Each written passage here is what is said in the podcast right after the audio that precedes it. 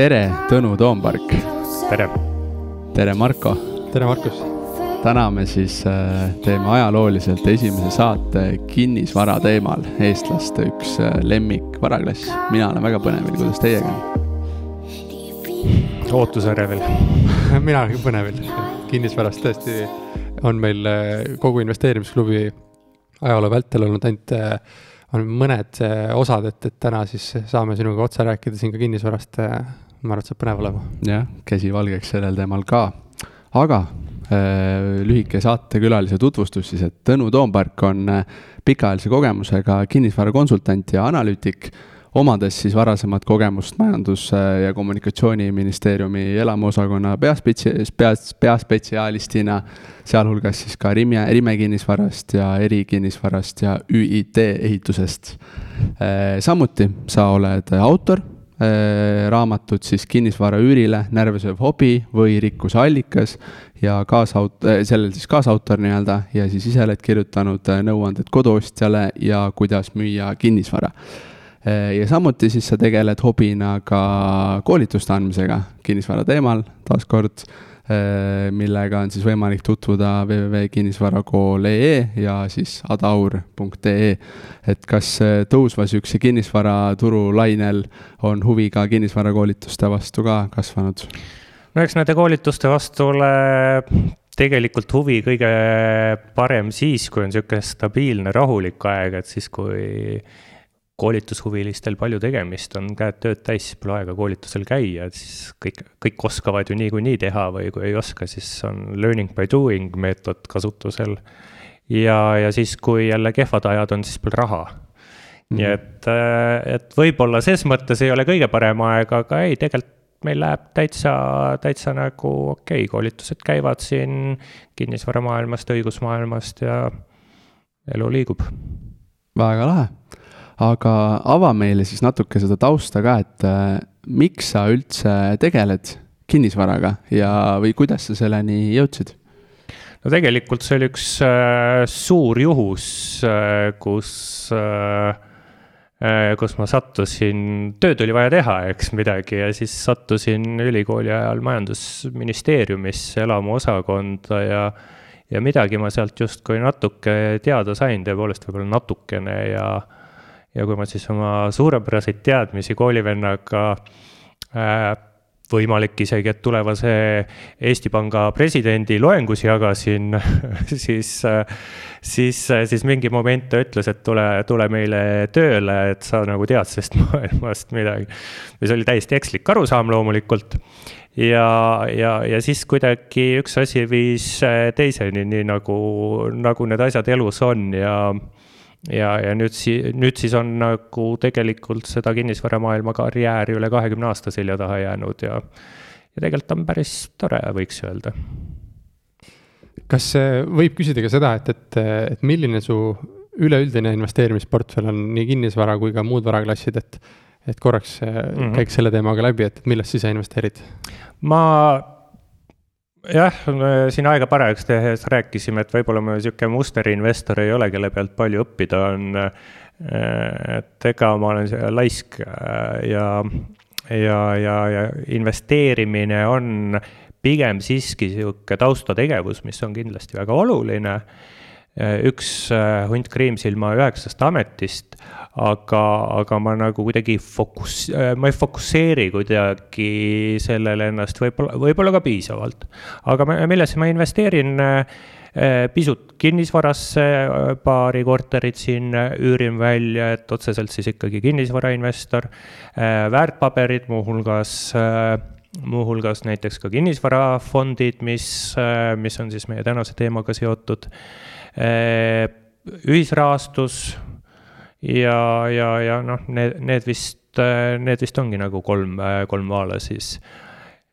ja mis see loogikast lähtuvalt oled sa selle portfelli aja jooksul kokku pannud mm,? no eks kunagi alustatud sai pigem, pigem aktsiatest, kui oli lihtsam äh, siseneda Jupiti ja siis mingi hetk tuli kinnisvara ja mingi hetk ühisrahastus, kui see siin aktuaalsemaks äh, muutus, eks ma mingit tasakaalustatust olen otsinud ja, ja vaadanud siis äh, noh, mida, mitte nüüd otseselt mõõtnud, aga siiski hinnanud oma mingi kõhutundega äh, riske, riske ka, et, et need mingis, mingis mõttes oleksid hajutatud. Kas eelmine majandustsükli nagu langus mõjutas ka sinu portfelli olukorda ja, ja jaotust? oo oh jaa, loomulikult ikkagi kümneid protsente kadus kui linnutiivul ja, ja mis siin salata, et mõni, mõni aktsia pole tänagi veel vee peale tõusnud, et. et jälle, jälle nagu siin vaatan oma portfelli kurva pilguga ja mõtlen, et et kas peaks ta maha müüma ja siis kuu aja pärast peale viieprotsendist langust tõden, et näed, oleks pidanud küll. Noh, ja, ja sellist, selliseid languseid nägi tegelikult siin eelmine aasta ju mitmel, mitmel pool ja isegi sellel aastal on siin äh, otsa kõvasti alla tõmmanud. aga noh, see käib kaasas, et kui ja. horisont on pikaaegne, siis ei, ei maksa nagu iga, iga no, langusega. no kaasa. horisont pikaaegne, et ma selle müüdi tahaks kohe ümber lükata, ega, ega no kõik asjad ikka ei tõuse, noh. Äh, ja, ja, ja mul siin paremad aktsiad jutumärkides on siis ikkagi kümme aasta, kümme aastat tagasi soetatud ja ikka mõnusalt miinuses mm. -hmm. aga mis teesiga sa neid hoiad praegu siis veel?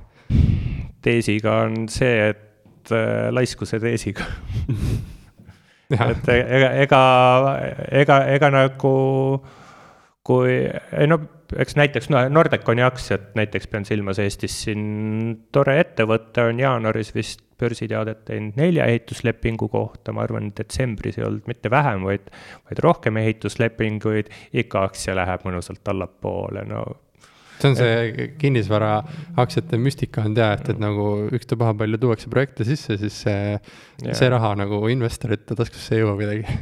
jah, et, et eks, eks ta ongi, et nagu loodaks, et tuleks, tuleks natuke ülespoole. jah, aga selleks siis, et äh, me saaksime täiesti tänasesse sellesse üürikinnisvara teemasse sisse hüpata pea ees, siis kaardistame võib-olla natukene olukorda, et kus me üldse tänases äh, turusituatsioonis üldse oleme, et me, mis äh, kontekstis me nii-öelda toimetame, et et mis sa täna arvad, täna, täna arvad tänase kinnisvaraturu kohta või kuidas sa üldse Eesti, Eestis toimuvad täna hinna, indeksid? jah, et kõigepealt peaksin nagu fookust natuke sellel küsimusel paika sättima, mina toimetan elamispindade valdkonnas. nii et äh, siin, kui ma nüüd kinnisvarast räägin, siis ma pean ikkagi ka valdavalt ikkagi elamispindade sektorit silmas ja äripindade peale niivõrd ei mõtle, need erinevad turusegmendid on eks täiesti erinevatele klientidele orienteeritud ja võivad erinevalt äh, käituda. Aga, aga kui me vaatame Eesti elamispindade turgu, siis tuleks seda kuidagi võib-olla ka juppideks jagada natuke, eks meil on Tallinn-Tartu, siis on tükk tühja maad, siis kuskil on Pärnu, siis on veel tükk tühja maad, siis on Narva ja ega meil siis enam äh, kinnisvaraturgu, toimivat turgu, kus nõudluspakkumine mõlemad olemas on ja tehinguid tehakse, äh, rohkem ei ole, noh, lihtsalt mõelge nüüd hetkeks kõik kuulajad-vaatajad ja teie siin, et mitu korteritehingut tehti Kärdlas eelmine aasta. Kakskümmend viis, eks, iga kuu tehti kaks tehingut, et kas me saame rääkida ühe maakonnakeskuse kinnisvaraturust. aga tulles siis eh, Tallinna juurde tagasi, eks jättes korraks nagu Tartut, Pärnut, Narvat kõrvale siis need väiksemad tõmbekeskused saavad Tallinnast mingi hoo, kui nad saavad, nad ei pruugi seda saada. aga kui Tallinnast seda hoogu ei tule, siis ei tule seda mujalt ka tõenäoliselt. ja. kas ja... või välismaalt tuleb äkki mingi hoog, on see mingi no, asi, mis korreleerub?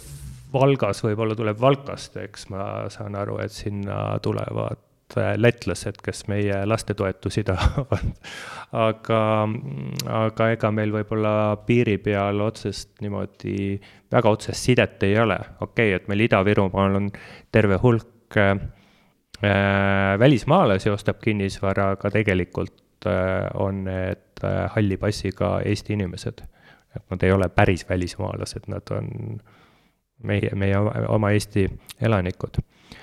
Aga, aga eks siis äh, turuolukorra peale mõeldes peaks siis mõtlema, et mis meil Tallinnas on, mis turu teeb, eks nõudluspakkumine, kas nõudlust on?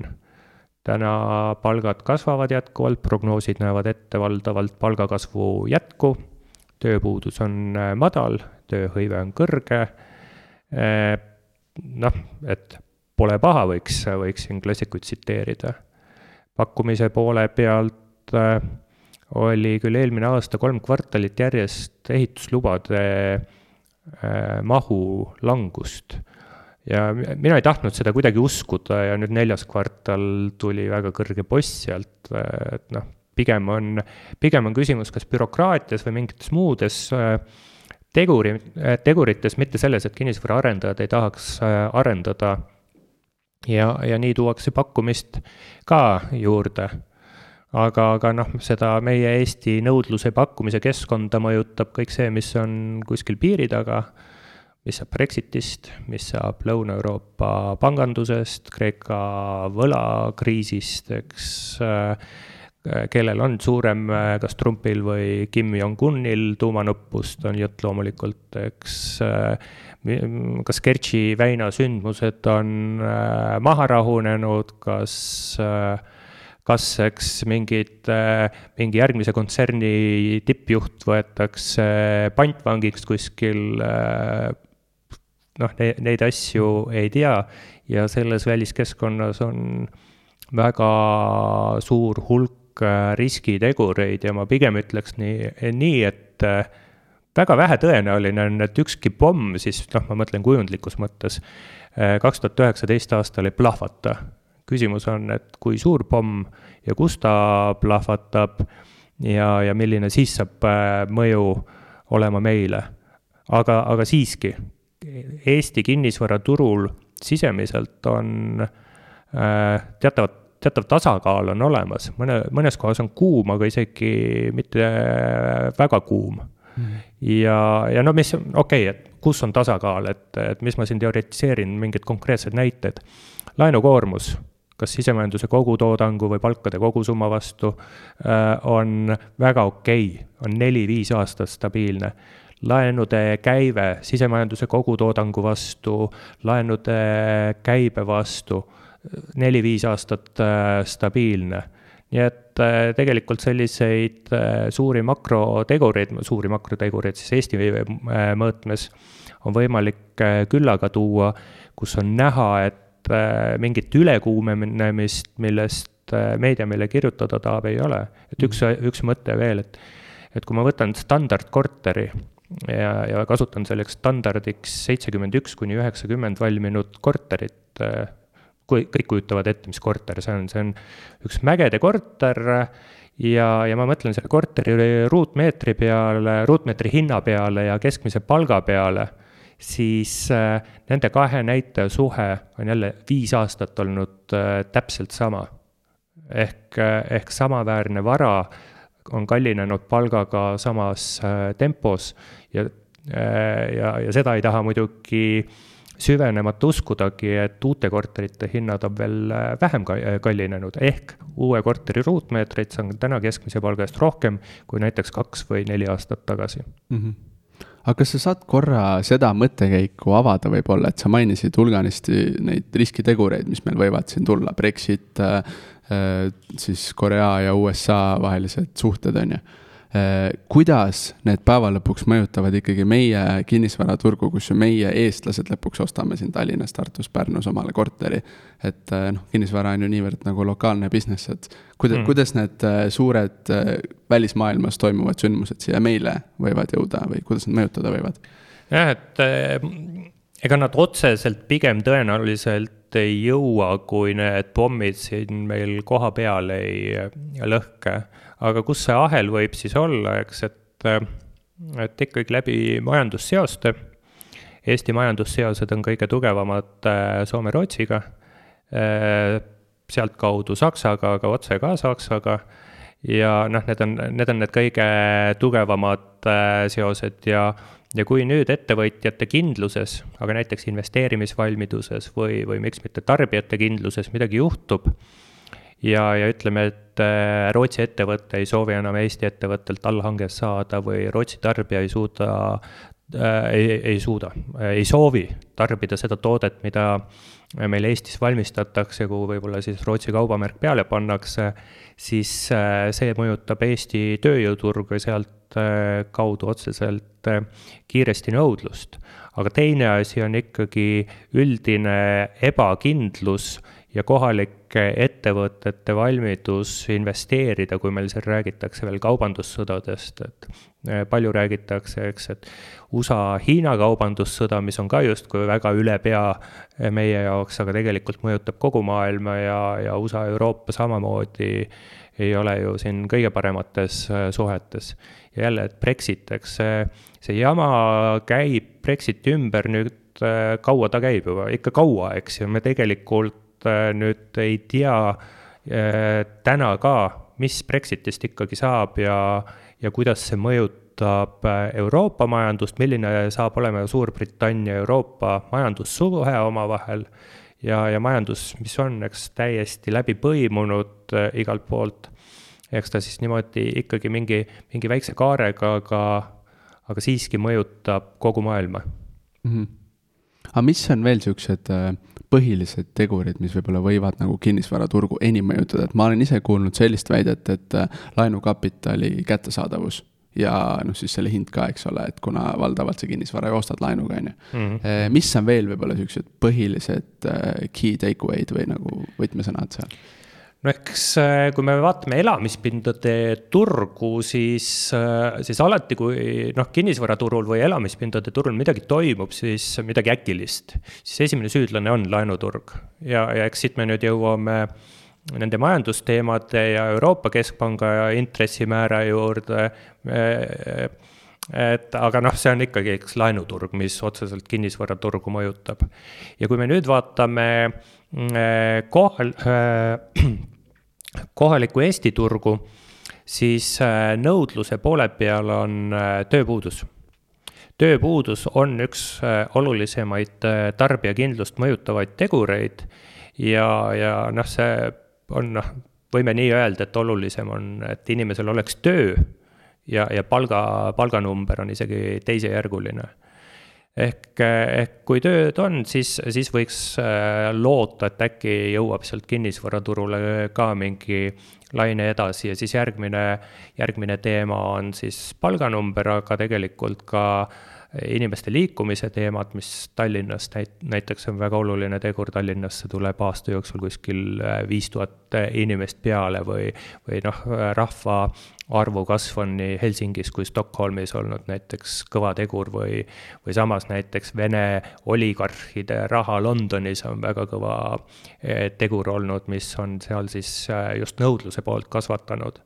ja eks järgmine teema on see, noh, nõudluse kõrval pakkumine, millise tempoga pakkumine jõuab kaasa eh, tulla nõudluse kasvuga Eestis on väga hästi tulnud kaasa, mis pole lubanud hindadel üles minna väga palju Euroopa riikides, kõik tahavad midagi reguleerida ja ja, ja mingid paberitele allkirju võtta ja, ja arendusprotsess on venitatud ülipikaks, mis tekitab siis hetkese, hetkelise suure nõudluse, mis viib ka hinnad üles. meil on nagu see kinnisvaratsükkel, ma ütleks, väga mõnusalt läinud, et sellist kinnisvara kättesaadavuse halvenemist ei ole tegelikult äh, toimunud ja pakkumine on tulnud väga hästi kaasa. aga see ongi siis, kuidas süsteem to-, toimib, et kui, kui kaua arendamine aega võtab näiteks mm. -hmm. see on päris huvitav mõte iseenesest, et kui ehm, noh, linnapildis vaadates sa näed ainult kraanasid ja näed, et kõik ehitavad, on ju, aga teisalt vaatad sinna kõrvale, et, et see on hea, et sa välja tõid, see nüanss on oluline, et, et pakkumist oleks ka, sest et muidu äh, kui nõudlus on suurem, siis äh, noh, nõudlust me ei näe nii hästi mm -hmm, linnapildis, on ju. nõudlust me joome. ja tema, ja see viib siis äh, hinnad üles, et tegelikult see on hea nüanss, et välja tõid mm. -hmm. ja, ja äh, ja mis, ütleme, me rääkisime jah, siin potentsiaalsetest sündmustest ja sa viskasid niisuguse mõttepalliga õhku, et kahe tuhande üheksateistkümnenda aasta jooksul siis midagi tõenäoliselt võib juhtuda, aga mis su nagu nägemus on, nii-öelda, mis äh, võib võib-olla lähiperspektiivis nagu kinnisvaraturul nagu täpsemalt toimuma hakata, kui sa saad seda kuidagi äh, visualiseerida, et äh, a la ruuduhindades äh, kasvavad, jäävad samaks äh,, nii-öelda? hinnad on seksikas teema alati, et mis nendest hindadest ikkagi saab ja, ja see huvitab neid, kes ostavad või neid, kes müüvad ja neid, kes omavad ja neid, kes ei oma. aga tegelikult äh, esimene oluline indikaator ei ole mitte see äh, turul, mitte mis hindadega toimub, vaid hoopis tehingute arv. ja, ja, ja kui, kui ma siin rääkisin turust, et turg on tasakaalus, siis tegelikult noh siin on ka mingeid niisuguseid negatiivseid tegureid, et ei ole ainult positiivsed tegurid, ei ole ainult negatiivsed, et kui ma kuhugi kandideeriks, eks, Riigikokku, et siis ma räägiks teile ainult asja ühest poolest. Aga, aga tehingute arv on täna selline, mis on näidanud kaks tuhat kaheksateist aasta teises pooles langust Tallinna korteriturul. Äh, langus on siis, ütleme, poolaastas oli siis äh, kuus-seitse protsenti, Äh, mis ei ole vähe, mis puudutas tegelikult kogu Eestit, kõiki maakonnakeskusi peale Tartu ja Põlva. Äh, Tartu tehingute arv on, ütleme, märkimisväärne, Põlva on noh, tegelikult olematu. nii et äh, kogu Eestis tehingute arv lang-, langes kaks tuhat kaheksateist aastal võrreldes seitseteist aastaga. tehingute arv langeb, aga hinnad lähevad üles, et see tuletab meelde ühte Londoni kinnisvaraturu artiklit, mida ma lugesin, et Äh, ostjaid ei ole, hinnad tõusevad. eks, et kas see nüüd päris loogiline on. ja, ja, ja, ja teisalt, kui vaadata uute korterite turgu, siis äh, on ka näha mõningast äh, tehingute arvu vähenemist, aga kas see on nüüd ajutine või, või pikk trend, eks me, eks me näe. ja kui me vaatame veel vanemate korterite tehinguid, siis need on lausa viis kvartalit järjest languses, õhkõrnas languses, aga siiski nii et äh, ja, ja kui me mõtleme, et täna on tehingute arv Tallinnas siiski kõrge, no väga kõrge võiks niimoodi hädapärast kasutada, aga, aga ta ei ole hullumeelselt kõrge, kindlasti seda mitte. et kui siin toimub mõningane äh, tehingute arvu vähenemine, ilma isegi, et turul oleks mingeid fundamentaalseid olulisi muutusi toimunud, ja, ja tehingute arv tuleb sellisele mõistlikule, normaalsele, pikaajalisele keskmisele tasemele lähemale, siis siis pakkumine tuleb ikkagi peale inertsist ja eks ta suurendab, suurendab konkurentsi pakkumise vahel. teisalt arendus on see, mil, mis määrab hinnatasemed uute korterite, vanade korterite hinnad on läinud äh, liiga lähedale teineteisele, et vanad on liiga kiiresti tõusnud ja uued ei ole nii kiiresti just konkurentsi tõttu tõusta saanud, kui, kui võib-olla oleks arendajate poole pealt mõistlik.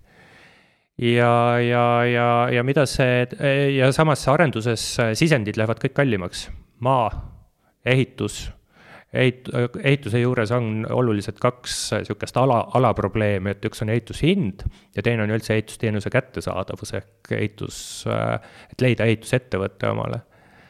Ja, ja, ja arendus on väga kulupõhine, et vaadatakse Excelis, palju kulud on ja, ja siis palju kasumit tahaks teenida, nii see müügihind tulebki.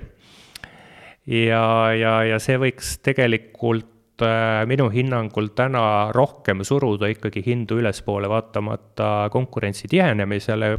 konkurents, ütleme, et ühe ostja kohta võib-olla pakkumisi on turul rohkem, aga summa summarum pakkumisi jääb ikkagi natuke pikemas perspektiivis turul äh, vähemaks ja, ja kui hinnad tõusevad vähem kui palgad, siis see võiks olla ka ostjate jaoks äh, vastuvõetav ja, ja, ja täitsa, täitsa okei okay. ja, ja turg võiks nagu Äh, areneda, ma ütleks positiivselt äh, sellises nullist natuke suurema kasvuga edasi, seda just hindade poole pealt, tehingute poole pealt, nullist natuke allpool siis ehk pisikese tehingute arvu langusega mm. -hmm.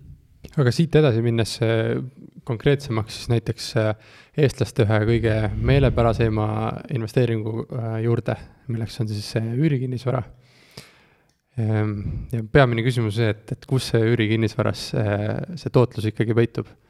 Et paljud, kes siis eh, vaatavad seda arendusturgu ka, siis eh, uued korterid on niivõrd kallid, et ütlevad, et, et see ei jookse Excelis välja, et sealt nagu mingit olulist tootlust ei saa, et, et kas see on tõsi või, või kus peitub see tootlus üürikinnisvaras? ma ütleks niimoodi, et, et tootlus on, kui teha turutasemel ostutehing ja turutasemel ta üürile anda et kas, kas see on hea tehing, et selle üle peaks mõtlema, et kui ma, kui ma hakkaks nagu praegu mõtleks, et ostaks turu, turuhinnaga turu keskmise hinnaga mingeid autojuppe kokku ja paneks auto kokku, et kas see, kas ma oleksin konkurentsivõimeline.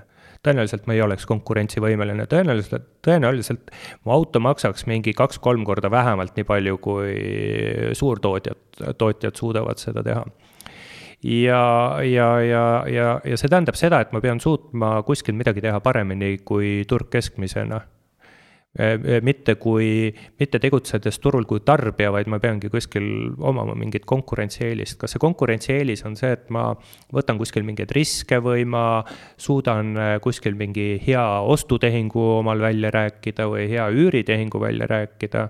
ja ma arvan, et Äh, tüüpiline kinnisvarainvesteeringu konkurentsieelis on mis? kapitali olemasolu. kapitali olemasolu tänasel turul juba tegelikult pikki aastaid ei ole konkurentsieelis, see on, see on nagu, kapitali on hulk. Äh, noh, on palju inimesi, kellel on kapitali ja, ja, ja, ja mis see konkurentsieelis siis on? Et, et see on tõsine küsimus. hästi palju Eesti üüriinvestorite äriplaan, kas seda siis teadvustatakse või mitte, on orienteeritud sellele, et küll see vara muutub aja jooksul kallimaks, et ma saan üürirahavoogu ja siis kinnisvara läheb ka kallimaks. kinnisvara väärtus saab ju aja jooksul ainult tõusta. okei okay,, et igaks juhuks, kes aru ei saanud, see oli iroonia. et mingile rääkige Valga või Narva elanikele sellist juttu, et tulevad kallale teile.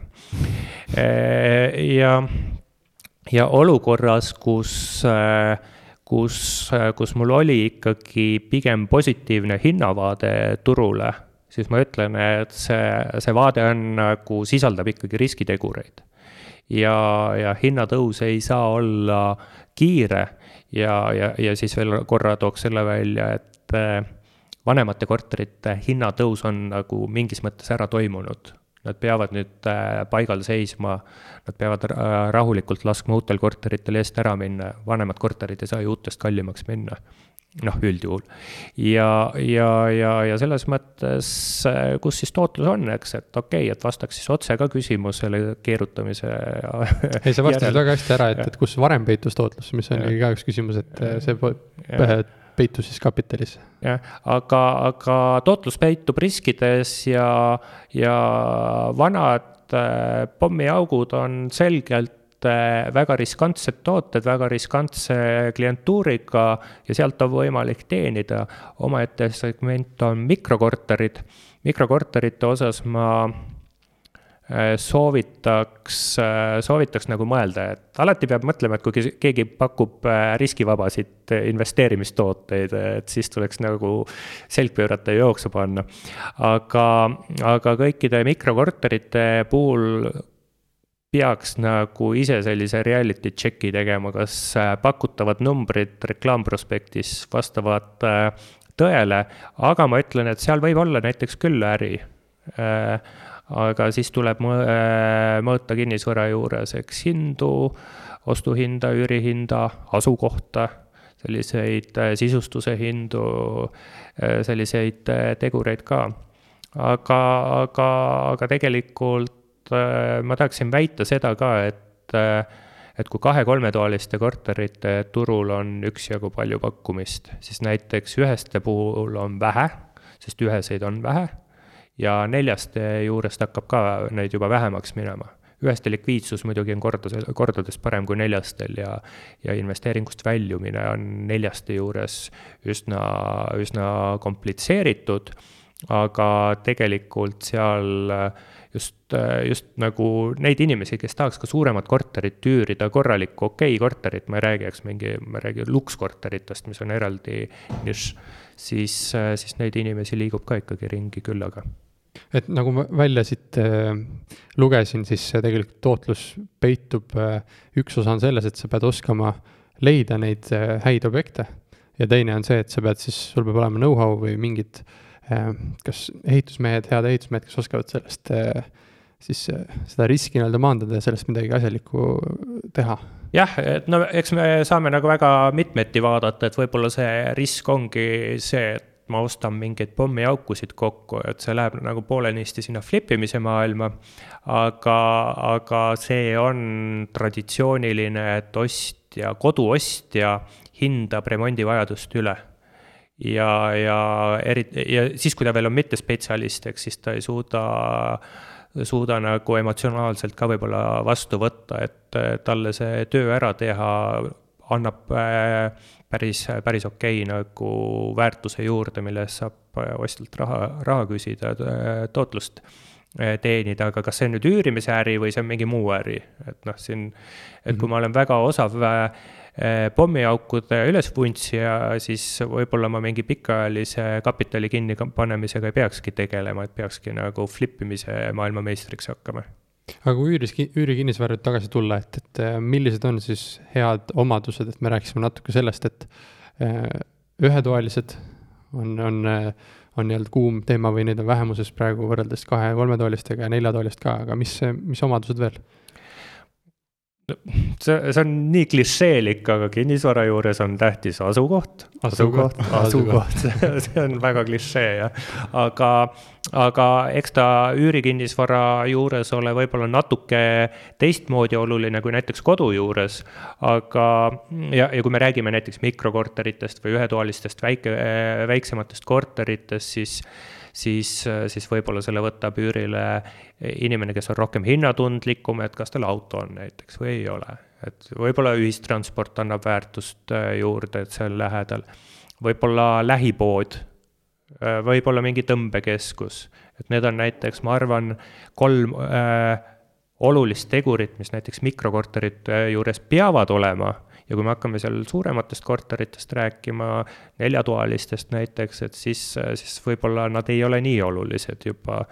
et see olulisus äh, äh, väheneb, aga noh, eks noh, kui ma ei tea, korteri sisustusest rääkida, eks siin alati õnnestub Äh, mööda panna, et ma olen ise kunagi näidanud erinevatele üürnikele järjest korterid, kus üks mõõtis seal seina ääres, kuidas tal ikkagi üks kapp kuidagi ära ei mahu ja, ja järgmine tuli vaatama ja ütles, et äh, korterisse on vaja osta vaat veel see, see ja see mööbli ees ja et noh, leia nüüd siis selline kuldne kesktee selliste soovide vahelt. et alati on nagu mingi eksimine aga, aga mis äh, korteri juures on äh, täna oluline, on see, et nii ostjad kui üürnikud mõtlevad väga palju ikkagi kvaliteetse elamispinna peale, mis tähendab ka kaasaegset äh, sellist, ütleme, energiasäästu ehk kommunaalkulu, korralikku ventilatsiooni, paljud, noh, paljud inimesed siiski ei suuda muidugi sellist kaasaegset uues majas asuvat korterit omale lubada, aga seda, seda soovitakse et teine, teine teema on, eks, kas tehinguni jõutakse. nii et jah, et pommiaukudel kindlasti on ka oma klientuur olemas, aga, aga, aga see on keeruline klientuur, ma arvan kas võib küsida ka seda, et, et kuidas sina endale objektid oled leidnud, et, et äkki räägime sellest teekonnast, et, et kuidas sa analüüsid ja, ja, ja mida sa edasi vaatad? nojah, et eh, minu, minu portfell on üsna pisike ja mingit sihukest väga äh, laia kogemuste pagasit mul ei, ei ole, aga, aga noh, et esimene, esimene analüüsi kriteerium on ikkagi rusikareegel, et sihuke lihtsustatud tootlus ehk aasta üürihind jagatud siis ostuhinnaga. Kas tuleb sealt mingi kuus-seitse protsenti välja ja eks siis tuleb äh, ja, ja kui see number lubab, et võiks nagu detailsemalt arvutada, eks siis tuleb detailsemalt äh, äh, vaadata, mis, mis on mingid remondivajadused, kas on, kas on mingi mööblivajadus. et olen ka niimoodi korteri ostnud, et, et, et, et ainult hakkasingi järgmine päev üürile andma teda, et ei olnudki vaja ise midagi teha. olen ostnud korteri, kus üürnik on sees nagu ma ei tea, päris orjaga kauplesin võttis, võttis aega, et päris orjast lahti saada, aga, sest tal oli seal sihuke kaks tuhat üheksa aasta üürihind sees, eks, et ma tahtsin ta siis, see oli küll aastaid tagasi, tahtsin turutasemele tuua, millega üürnik nõus ei olnud. et eks, eks siis tuleb need nüansid läbi vaadata. uue korteri puhul on ju suhteliselt selge, et sisustusega tuleb tegelema hakata, et kas sealt saab siis näiteks mingi äh, köögimööbli või seinakapi kas nüüd päris arendaja kulusse mängida või siis vähemalt arendaja arve peale mängida, mis võib-olla teisest otsast annab võimaluse seda laenuga finantseerida. Äh, aga noh, mingi, mingid asjad tuleb ikka siis nii-öelda oma raha eest osta pärast.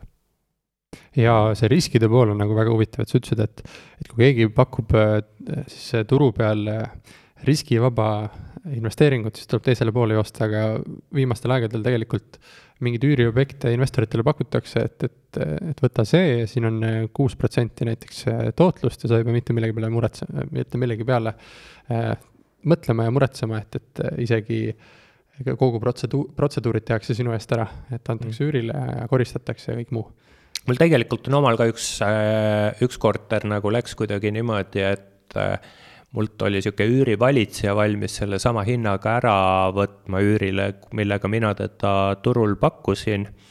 ja ma mõtlesin, ma proovin.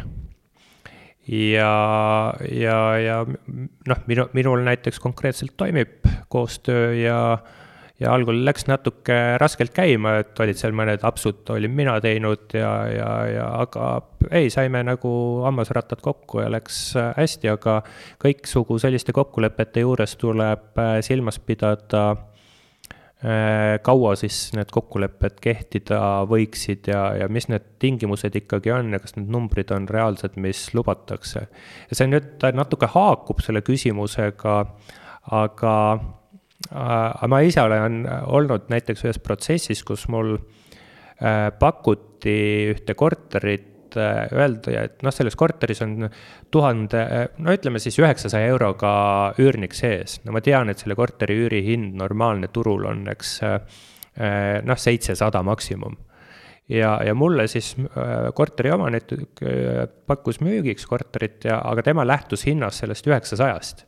et tegelikult äh, eks siin on ka niimoodi avalikus pakkumises olnud siukseid äh, kalli üürihinnaga kortereid, mõned lausa äh, ütlevadki, et me siin üürime välja korterit kakskümmend viis protsenti turutasemest kallimalt, aga selle pealt lähtu- äh,, pannakse siis nii-öelda müügihind paika. et see tegelikult on kinnisvara investeerimise üks kõige valem asi, mis saab teha, et sa investeerid üle, üle turutaseme üürihinna pealt. et see, seda peaks nagu äh, silmas pidama, et sihukest viga ei tee, et kui see üürnik nagu homme päev nagu kuidagi selgusele jõuab, et ta liiga palju maksab, siis ongi ostja liiga palju maksnud. sama vist aplikeerub sisuliselt aktsiate puhul ka ju, et äh, kui sa ikka täitsa piigist ostad või noh, tipust, siis.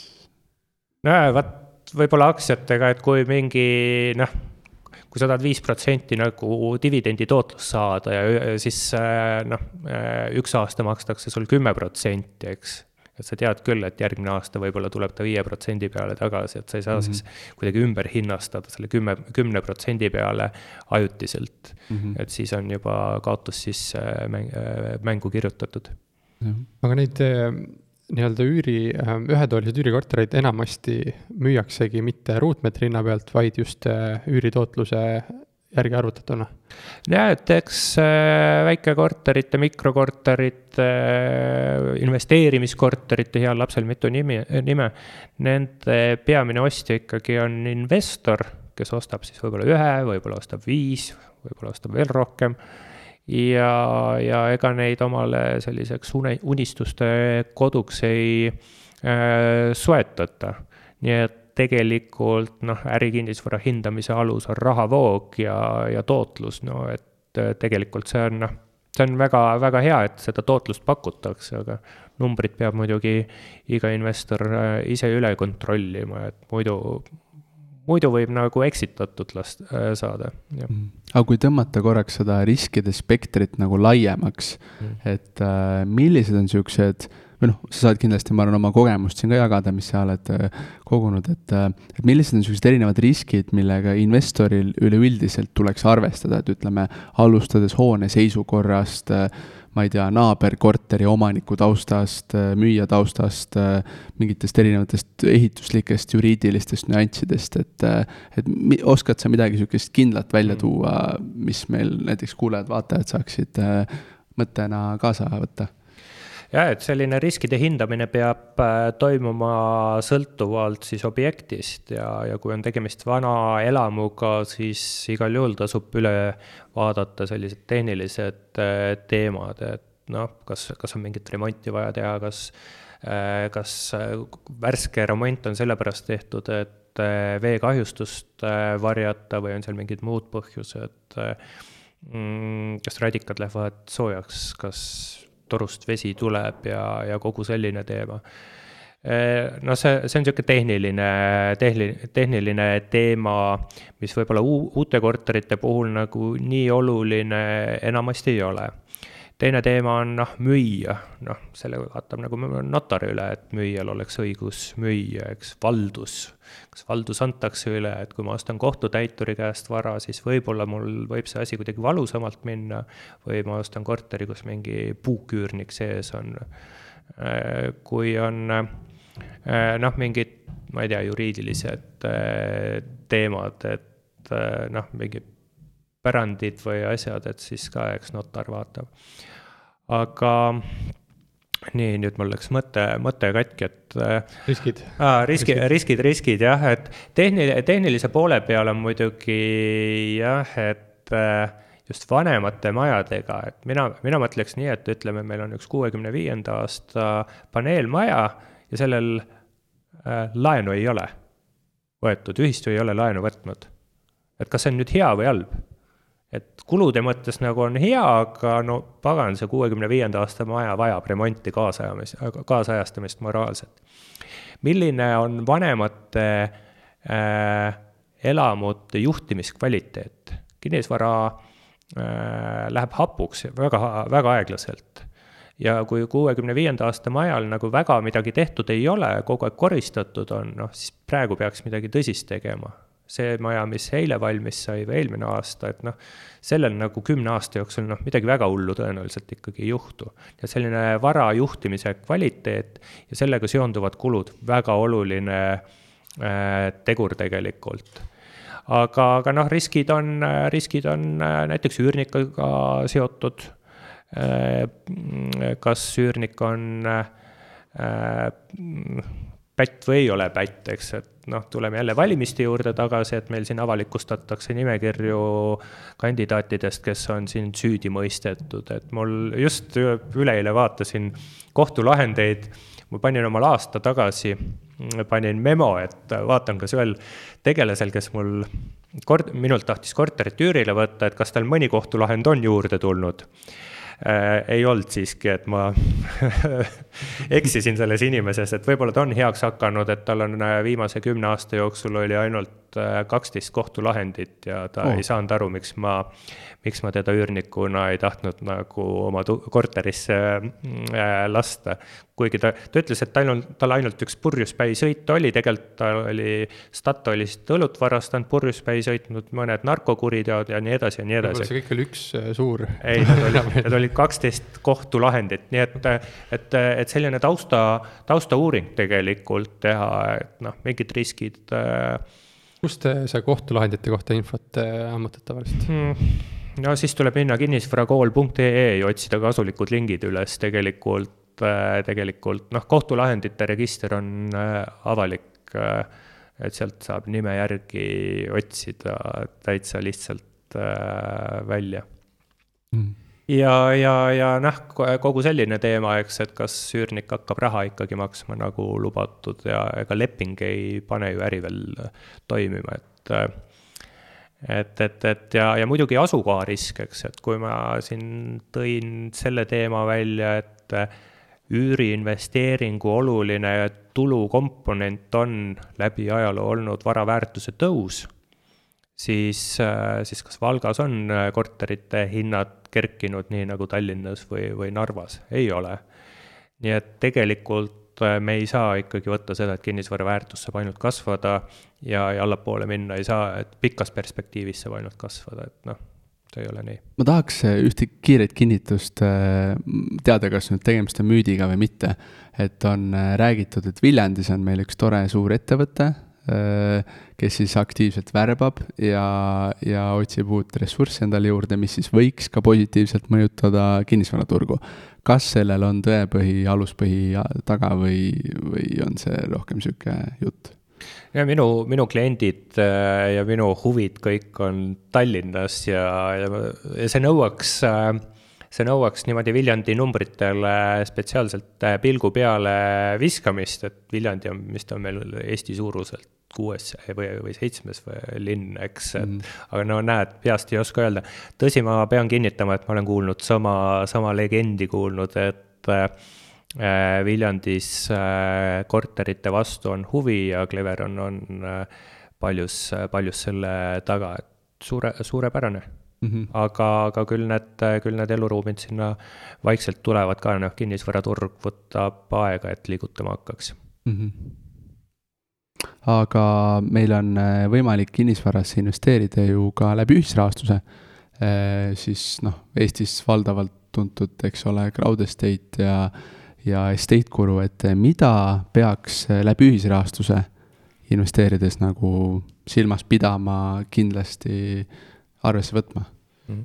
kui me ühisrahastuse peale mõtleme, et siis ma enda jaoks pole neid päris kinnisvara investeeringuteks äh, pidanud, ma olen pidanud neid pigem selliseks noh, väärtpaberilaadseks tooteks või, või, või polegi neid niimoodi kuidagi klassifitseerinud, aga nad ikkagi ju ei ole kinnisvara päris. aga no mõnes mõttes küll, no aga see selleks. Äh, no mis siin ikka silmas pidada, eks nagu et võib-olla siin siis tasuks ka eristada, eks, et kui State Guru pakub äh, äh, välja äh, tagatud laene, siis Crowd Estate pakub tagatud ja tagamata, eks, et me mhm. ka kahte tüüpi. ja, ja, ja nüüd on siin Äripäev äh, ka suurelt kirjutanud, kuidas esimesed äh, ühisrahastusprojektid on nagu hapuks läinud, et mind paneb muidugi imestama, et mitu korda saab esimene projekt hapuks minna, sellepärast tegelikult selline pealkiri umbes täpselt on juba mitu korda olnud, aga no see selleks jälle. Äh, ja tasub jälle meenutada, et äh, investeerimine ei ole riskivaba, mis, mis paneks nagu mõtlema, et äh, kui ma tahan neid projekte sealt välja valida, siis ma peaks mõtlema, kui suure summaga kaupa ma investeerin. kui ma investeerin viiekümne, saja euro kaupa, siis võib-olla ma mõne inimese silmis paistan ülbe, aga ma ütlen, et mis pagana analüüsi ma siis teen. pane siis, eks, puista neid laiali, neid viiekümne euroseid panuseid, saja euroseid panuseid ja, ja kui sa hakkad seal analüüsima seda, siis eh, teed nagu paar tundi tööd ja siis nagu aasta pärast saad oma sajale eurole, saad küpsi peale, noh, ei, ei tundu nagu väga loogiline. ja, ja noh, eks samas, samas jah, et äkki midagi läheb kaduma ka või äkki mingi tuleb, mingi laen tuleb poolenisti tagasi aga, aga kui, kui rahasumma hakkab juba oluliseks muutuma, jah, et võib-olla mõne jaoks sada eurot ka nagu selline, et tasu, tasub läbi mõelda ja kaaluda, eks see harib nagu inimest igal juhul, et see halb et, ei ole. ühisrahastusportaalidega, kui need tulid ja ütleme siin paar aastat tagasi, siis räägiti väga täpselt sellest, et et see on piisavalt riskantne valdkond ja tagamata laenud ka, et, et siis sinna võiks paigutada selline kümme kuni viisteist protsenti maksimum oma por kogu portfellist mm.. ja teisalt räägid seda, et, et võima, võtta võimalikult palju neid kinnisvara investeeringuid või laenuinvesteeringuid endale portfelli et kui vaadata siin äh, projektide arvu, siis sul võib vaba, vabalt olla seal äh, kakskümmend kuni nelikümmend investeeringut portfellis äh, kahe aasta peale. mis tähendab seda, et kui siin üks tegelikult hapuks läheb ja, ja tegemist on riskantse valdkonnaga ja sa arvutad, ja sa arvutad seda ka sisse, et sul ainult kümme protsenti kogu portfellist on selles instrumendis või selles portaalis, siis tegelikult äh, midagi hullu ei ole mm. ja et no tegelikult sa nüüd ütlesid lühidalt sellesama ära, eks, et kuhu ma tahtsin jõuda, et sihuke äh, haju, hajutatus on äh, tegelikult ja, ja, ja kui minuga on ka mõned inimesed rääkinud, oo, et see kinnisvara, et sa ju tead sellest kõike, aga, aga kuskil, kuskil mul on seal ports saja euroseid investeeringuid, kuskil on mul suuremaid ka, ütleme, viiesajaseid või tuhandesi, aga ma ikkagi vaatan mingeid näitajaid, võib-olla ma olen nagu näiteks eelistanud seal pigem regulaarset laenu teenindamist, et ma näen, et mingi intress tiksub, mis näitab siis tegelikult paralleelselt, et mingi võimekus vähemalt äh, laenuvõtjal on äh, olemas, aga, aga noh, siin just ühe inimesega rääkisin, kes ütles, et tema eelistab Eesti laene näiteks Estate Gurus, äh, et ma ei osanud äh, aru saada, et kas, kas selles on point või ei ole point. varalikviidsuse osas, eks kindlasti võiks, võiks eelistus olla jälle pealinn või, või okei okay,, heal juhul Tartu või, või miks mitte Pärnu kesklinn ka. ja, ja, ja noh, mõistlik laenutagatus aga kui me mõtleme estate guru peale ja omakapitalilaenude peale, eks, et seal, seal lähevad riskid kohe äh, suuremaks, siiamaani on äh, estate guru pakkunud mõnel pool ikkagi ka väga nagu häid tootlusi, kas see saab niimoodi edasi olema, eks me, eks me näe mm. -hmm mida me peaks arvestama kinnisvarafondide puhul, kes valdavalt siis on ju, ostavad kinnisvara kokku ja siis rendivad seda välja ja siis. kas ma tohin enne seda, tuleme kohe siia küsimuse juurde, et no., et selle ühisrahastuse kohta üks küsimus veel, et ähm, kui nüüd äh, üürikinnisvarasse investeerida otse ja osta see korter endale ja siis vaadata sellist tootlust äh, kuus-seitse protsenti ja, ja näha, et see on nagu põhjendatud, siis äh, kui kõrvutada nüüd ühisrahastusportaalide tootlusi, mis jäävad sinna kümne, kaheteist protsendi juurde, et kas see risk õigustab ennast sinu arvates? no ütleme nagu niimoodi, et kui mina üürikinnisvarasse investeerin, siis see kuus-seitse protsenti, see on ühest küljest on ta kulude-eelne tootlus et siis on veel äh, kulud ja kuidas ma neid kulusid suudan juhtida, on ka omaette teema, et kas ma remondifondi lükkan ikkagi üürniku kaela või, või mitte. Äh, üks, üks näide siis ainult siit. ja üürikinnisvarasse investeerimist ma ikkagi võimendan äh, võõrkapitaliga, mingi laenuga. mis, mis ikkagi lõpuks tootluse võiks mulle mm, viia kahekohaliseks, aga ma arvan, täna viieteist protsendi ja, ja siis loota muidugi vara väärtuse kasvule ka.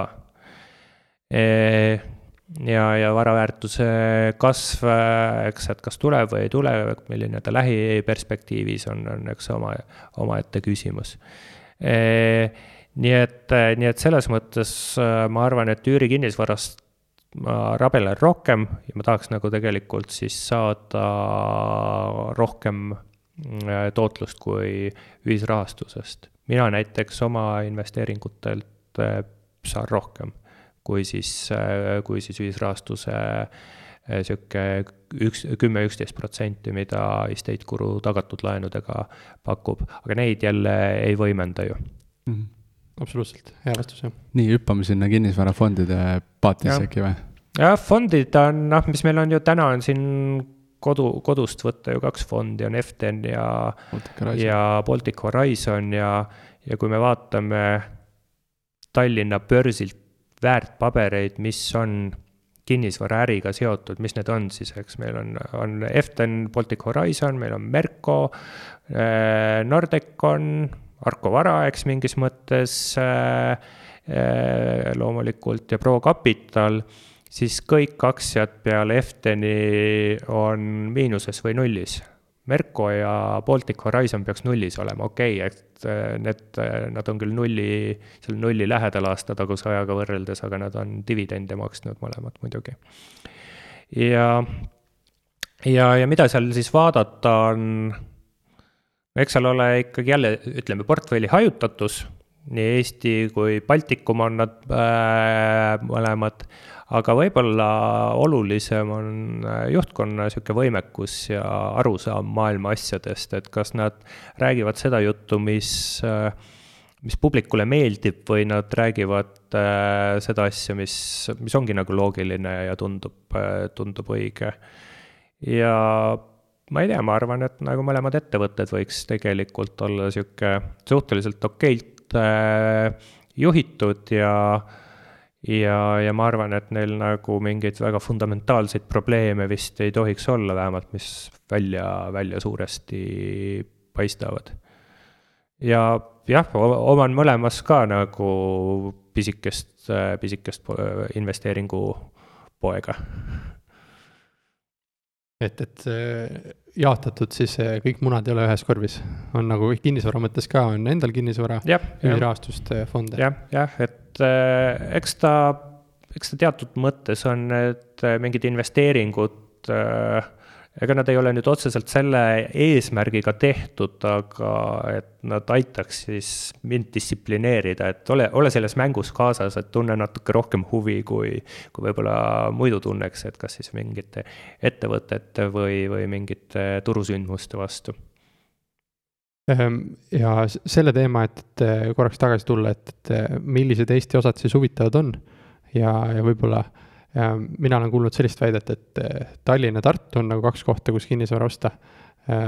Sellepärast, et eh, Tallinnas nii-öelda elanike arv kasvab, et tuleb väljastpoolt sisse ja Tartu on teine positiivse iibega eh, linn või nulli lähedal seal rahvastiku juurde tule, tuleku mõttes ja teised kõik on miinuses, et, Eestisse ei maksa vaadata siis no jaa, et, et kui me nüüd tahame nagu üürikinnisvarast rääkida, siis äh, minul oleks küll raske mõista, et ma ise ostan kuhugi Tapale korteri äh, ja, ja üürin seda välja. teisalt mul sõber ostis Tapale korteri täiesti noh, mitte investeeringu eesmärgiga ja, ja lõpuks see muutus siis jäi tal nagu kätte ja ja ma saan aru, et Tapal on nagu elu, elu nagu lill kinnisvaraomanikul, sest igasuguseid tegelasi on seal, kellel elamispinda vaja on. aga, aga mina olen niisugune laisk inimene ja olen vaadanud, et, et mul see kinnisvara oleks äh, lähedal niimoodi, et võib-olla ka seda ma soovitaks investoritele, et vaata, et kinnisvara lähedal oleks ja miks äh, mina ei julge vaadata ka mingite muude piirkondade peale, on see, et äh, et ma tahaks, et mul oleks kinnisvara investeeringust väljumise võimalus, mingi likviidsus mingil hetkel ja ma ei tea, millal see hetk tuleb. ja, ja kui mul on kinnisvara Tapal või, ja sealt NATO väed välja lähevad, eks siis juhtub seal nagu Narvas, eks, kus nõudluse laine kaob ära või ja, ja muutub pakkumiseks, siis ei ole see kinnisvara midagi väärt, et võib-olla võib-olla siis vahepealse perioodi eest ma olen sealt mingit ekstra rahavoolist tootlust saanud, aga just see investeeringust väljumise võimalus peaks olemas olema. aga noh, et eks kinnisvara ole laiem kui fondid või ärikinnisvara või üürikinnis, üürielamispinnad, et noh, tegelikult muudes piirkondades on põllumaad, metsamaad, mis on omaette teadus ja, ja ei saa nüüd küll öelda, et mina sellest midagi teaks mm. -hmm millist tüüpi sihukesest äh, elamu kinnisvarast tuleks nagu igal juhul eemal hoida? et noh, lisada seda nii-öelda teise äärmuse mõõdet ka, kui me.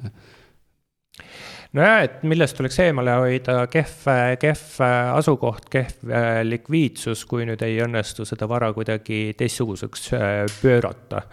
ja, ja millest äh, noh kuldne reegel on noh, nii, et ära osta või ära ehita endale kvartali kõige kallimat Äh, maja mm -hmm. või, või, või hoone kõige kallimat äh, korterit.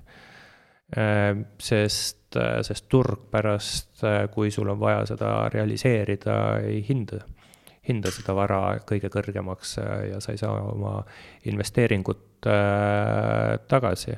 -hmm. noh, et, et võib-olla nagu jah tahtmata kuidagi halvustada inimesi, kellel võib-olla elus hästi ei ole läinud ja, ja kes ei saa omal äh, head ja ilusat ja uut äh, kodu lubada, et kuskil ju elavad need inimesed ka, üldjuhul need inimesed ei ole äh, kõige meeldivamad kliendid, kindlasti on seal ka lihtsalt inimesi, kes on elu hammasrataste vahele jäänud, et mina näiteks ei tahaks selle sihtrühmaga liiga palju tegeleda aga teisalt selles sihtrühmas võib olla ka äh, head tootlust, et kui sa teed tööd ja julged käed mustaks teha ja ja, ja võtad riske, siis, siis tuleb tootlust ka, et ega, ega nagu mul ei ole julgust nagu midagi nagu absoluutselt välistada mm. -hmm. et tegelikult võib-olla on ka Valgas mingi ärivõimalus olemas, et äh, mina see... seda ei oska näha, ei tähenda veel midagi. ja seal kindlasti on tegijaid ka mõned, mõned., olen, olen kuulnud, et mõned on aga lõpetuseks nüüd äh, paar küsimust. Äh, esiteks äh, olen pikalt rääkinud kinnisvara teemadel, turust, üürikinnisvarast ja, ja teistest võimalustest ka. milliseid allikaid sa kasutad, et üldse kinnisvara kohta teavet ammutada? ja, ja milline on see kvaliteetne teave? Ma oma põhiametilt olen kinnisvarakonsultant ja analüütik ja, ja, ja minu tööülesannete hulka siis kuulub see, et ma vähemalt proovin aru saada sellest, mis turul toimub. selle jaoks on mul vaja numbreid, numbreid ma saan statistikaväljaannetest, eks Eesti Pank, Statistikaamet, Maa-amet. Need numbrid, noh, on väike vale, suur vale ja statistika ja, ja noh, eks aastatega ole mingi kogemus tekkinud, et võib-olla isegi oskan äh, mõne puu taga metsa näha või, või vastupidi. ja, ja, ja, ja noh, see on niisugune numbriline äh, teema. noh, mingi, mingis mõttes on mul lapsest saadik juba meeldinud olla kursis niimoodi, mis maailmas toimub, leht, lehti lugeda, noh, täna, tänapäeval väga palju paberlehte kätte ei satu loen siin Eesti meediat ja. millist äh, lehte loeb, kui tohib küsida? ei, no loomulikult tohib küsida, miks ei tohi, et äh, ma vaatan, äh, mul on nad ühte pessa kõik kokku tõmmatud, et mul tuleb siin Äripäev, Päevalehe majandus, Postimehe majandus.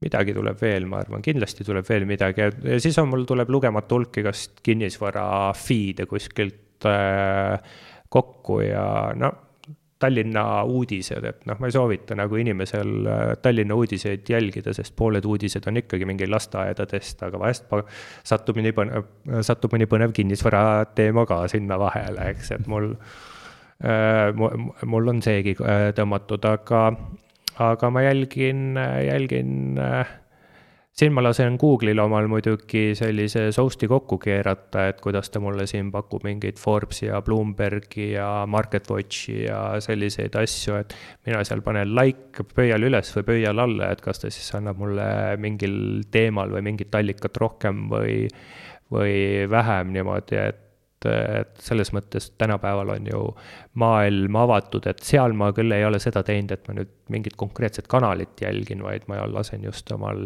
kinnisvara teemal, õpetan seal siis ai-d, et ta mulle õiget feed'i nagu annaks ja väga põnevaid asju on lugeda Austraalia kinnisvaraturust või Hongkongist või Jaapanist või USA-st või Suurbritanniast.